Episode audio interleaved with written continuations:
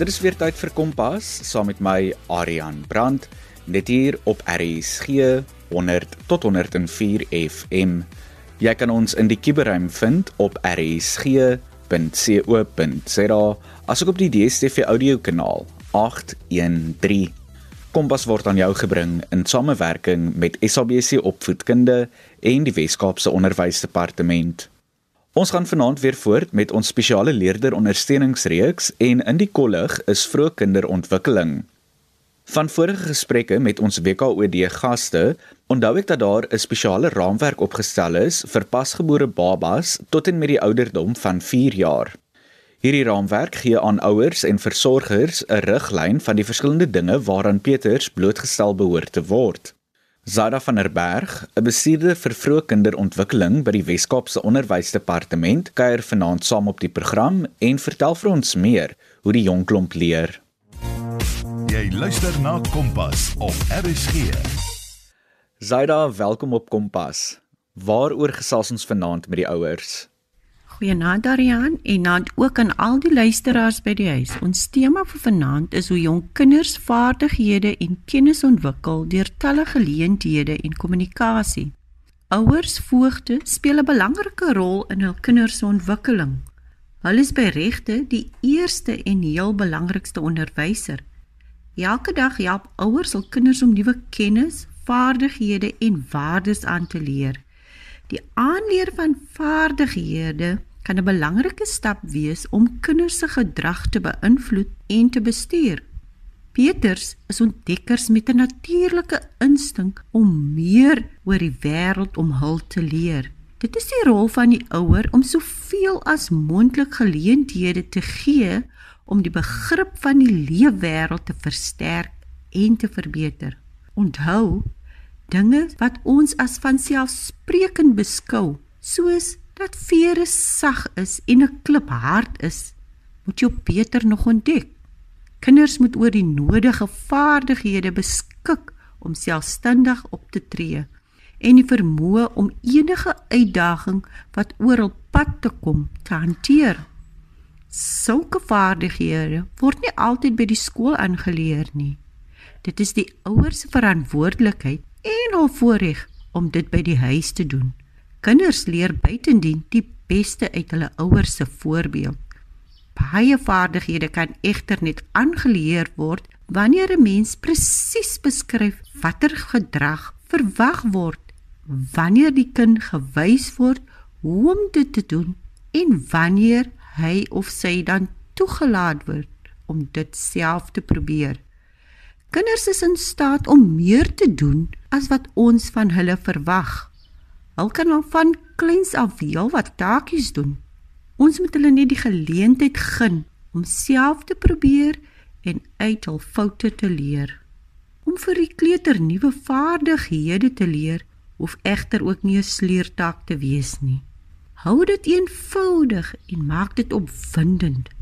Daar word van die kleuter verwag om volgens die norm sekere take te bemeester tydens die ouderdom van 2.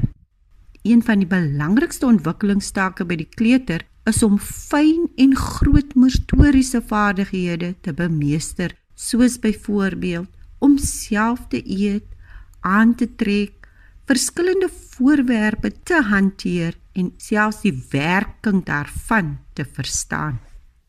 Zaida, hoe kan ouers help met die aanleer van vaardighede by hul jong kinders? Arihan, daar is drie sleutelmetodes om 'n kind 'n vaardigheid aan te leer.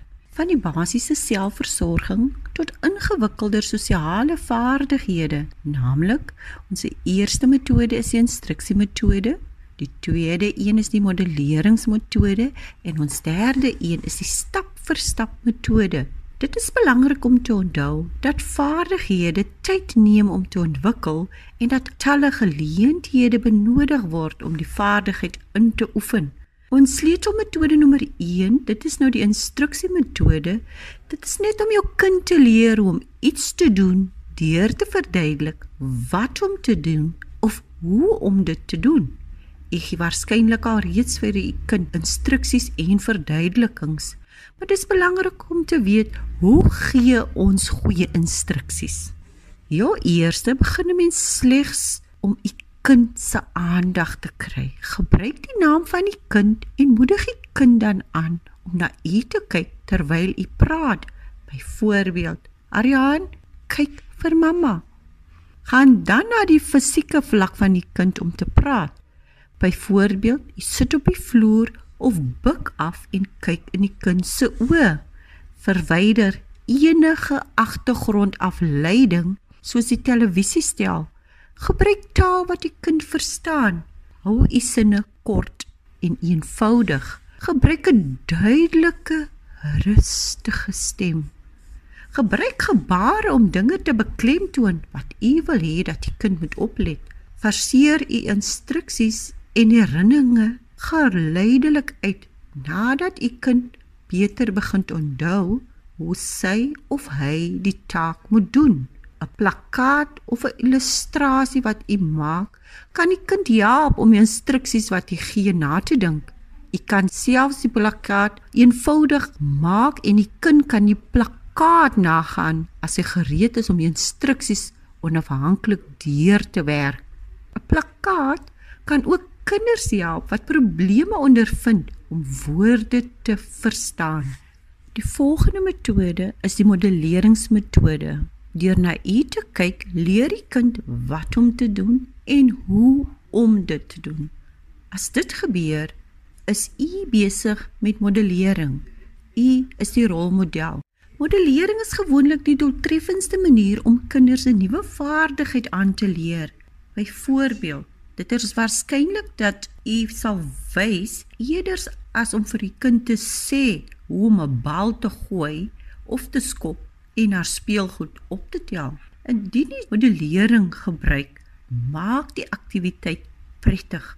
Gebruik die verbeelding en laat die kind ook sy of haar verbeelding gebruik. Byvoorbeeld, speelgoed oppak kan gepaard gaan met 'n een eenvoudige aksieliedjie of rympie, soos Dit is nou oppaktyd. Jy kan ook modellering gebruik om die kind vaardighede en gedrag te wys wat nie verbale kommunikasie behels, soos liggaamstaal en stemtoon. Jy kan byvoorbeeld wys hoe jy na mense kyk wanneer jy met hulle praat of hulle in die oë kyk en glimlag as jy hulle bedank. Jy kan byvoorbeeld sê: Dankie Ariane dat jy so mooi jou speelgoed opgetel het. Mamma is trots op jou. Modellering kan ook werk vir sosiale vaardighede. Reeds van babejare is kinders in verhoudings betrokke met hulle gesinslede en met hul maatjies. Respek moet vroeg gemodelleer word. Verwag van u kind om met u te praat met respek en modelleer dit self twee van die Peter se eerste woorde behoort te wees asseblief en dankie. Leer die kind om frase soos dankie mamma of meer asseblief pappa te gebruik. Hoe om modellering goed te laat werk. U kan die volgende stappe gebruik. Sorg dat u die kind se aandag kry en sorg dat hy na u kyk. Laat die kind eers kyk en beweeg dan stadig deur die vaardigheidsstappe sodat u kind duidelik kan sien wat u doen. Wys die belangrike dele uit van wat u doen. Byvoorbeeld, kyk hoe mamma wat u ook al besig mee is. Miskien wil u dit later doen as u sosiale vaardighede modelleer, soos om 'n gas te groet gee u kind baie geleenthede om vir haarself te oefen sodra sy gesien het hoe u dit doen en dan eers sê u nou moet jy probeer. Die derde metode is die stap vir stap onderrig. Sommige take of aktiwiteite is ingewikkeld of behels 'n reeks aksies. Hiervoor kan jy die taak in kleiner stappe verdeel. Die idee van stap vir stap onderrig is om die stappe van een vaardigheid in stappe op te breek en om een op 'n slag aan te leer. As jy kind die eerste stap geleer het, leer jy die volgende stap, dan die volgende en so voorts. Gaan slegs na die volgende stap as die kind die vorige stap betroubaar en sonder u hulp kan doen. U gaan aan totdat u kind die hele taak vir homself kan doen. As die taak ingewikkeld is, wys die eerste deel van die taak en gee u kind die kans om te oefen. Gaan dan na die volgende gedeelte van die instruksie. Begin met die maklikste dele indien u kan. 'n Voorbeeld vir stap vir stap onderrig is hoe om aan te trek. U kan die taak van aantrek opbreek. Eerste haal die klere uit, trek onderbroek aan, trek die kouse aan, trek die hemp aan, trek 'n broek aan, trek 'n trui aan. U kan elkeen van hierdie stappe ook in dele opverdeel. Dit kan help as 'n taak ingewikkeld is of as die kind leerprobleme het. Byvoorbeeld om 'n trui aan te trek kan soos volg opverdeel word. Hou die trui op die regte manier. Dit wil sê die voorkant voor die kind. Trek die trui oor die kind se kop. Sit een arm deur, sit die volgende arm deur. Trek die trui netjies af. Stappe wat vorentoe of agtertoe gedoen kan word. U kan die stappe leer deur te beweeg. Vorentoe onderrig die eerste stap, dan die volgende stap en so voorts. Agteruit onderrig u eers die laaste stap, dan die tweede laaste stap en so voorts. Om agteruit te onderrig al enkele voordele in. Dit is minder waarskynlik dat die kind verkeerd sal optree want dit is makliker en vinniger om die laaste stap te leer. Die taak is ook voltooi sodra u kind die stap voltooi het. Dikwels is die lonende ding van 'n werk of taak om dit af te handel. As 'n kind 'n nuwe fisieke vaardigheid aanleer, soos om aan te trek, kan dit help om die hande oor u kind se hande te sit en om deur die bewegings te lei. U forceer natuurlik u hulp uit terwyl die kind die idee begin kry, maar u hou aan om te sê wat die kind moet doen. Wys hom of haar of met 'n gebaar. As die kind vertroud is met die vaardigheid, kan hy ook gebare uitfaseer. Zaida, waarna moet ouers kyk of wat moet hulle in ag neem wanneer hulle vir hul kinders nuwe vaardighede aanleer? Ongeag watter van die drie metodes u gebruik, hierdie volgende wenke sal die kind help om nuwe vaardighede aan te leer. Die eerste wenk is voordat jy begin, maak seker dat die kind die koördinasie, die fisieke vermoë en ontwikkelingsrypheid het om die nuwe vaardigheid te hanteer. Miskien moet u u kind basiese vaardighede leer voordat u aan meer ingewikkelde vaardighede werk. Byvoorbeeld, u begin speel met 'n groot bal voor u na kleiner balle beweeg. U begin eers met 'n houtsoort legkaart met knoppies, dan 'n twee stuk legkaart voor u beweeg na 'n vier stuk legkaart en so voort. Die tweede wenk is die tydsberekening en die omgewing. Kinders leer beter as hulle meer waaksaam en gefokus is. Vermy dus byvoorbeeld om nuwe vaardighede aan te leer voor u kind se slaaptyd of maaltyd. Dit is ook goed om afleidings in die omgewing te vermy soos die televisie wat aan is of die jonger broers of susters wat aandag nodig het. Moenie ure per aktiwiteit inruim nie. 'n Peter se aandagspan is nog baie kort en jou Peter moet nooit gejaag voel nie, want dan gaan hy nie op sy beste leer nie. Rustige aktiwiteite werk gewoonlik beter voor slaaptyd. Na ontbyt is gewoonlik 'n goeie tyd vir 'n morsige aktiwiteit soos verf of om met sand te speel. Terwyl 'n storie gewoonlik beter werk net voor die oggendslaapie. Na slapenstyd is buitespel meer gepas. Hy sal nou ook makliker konsentreer op 'n aktiwiteit.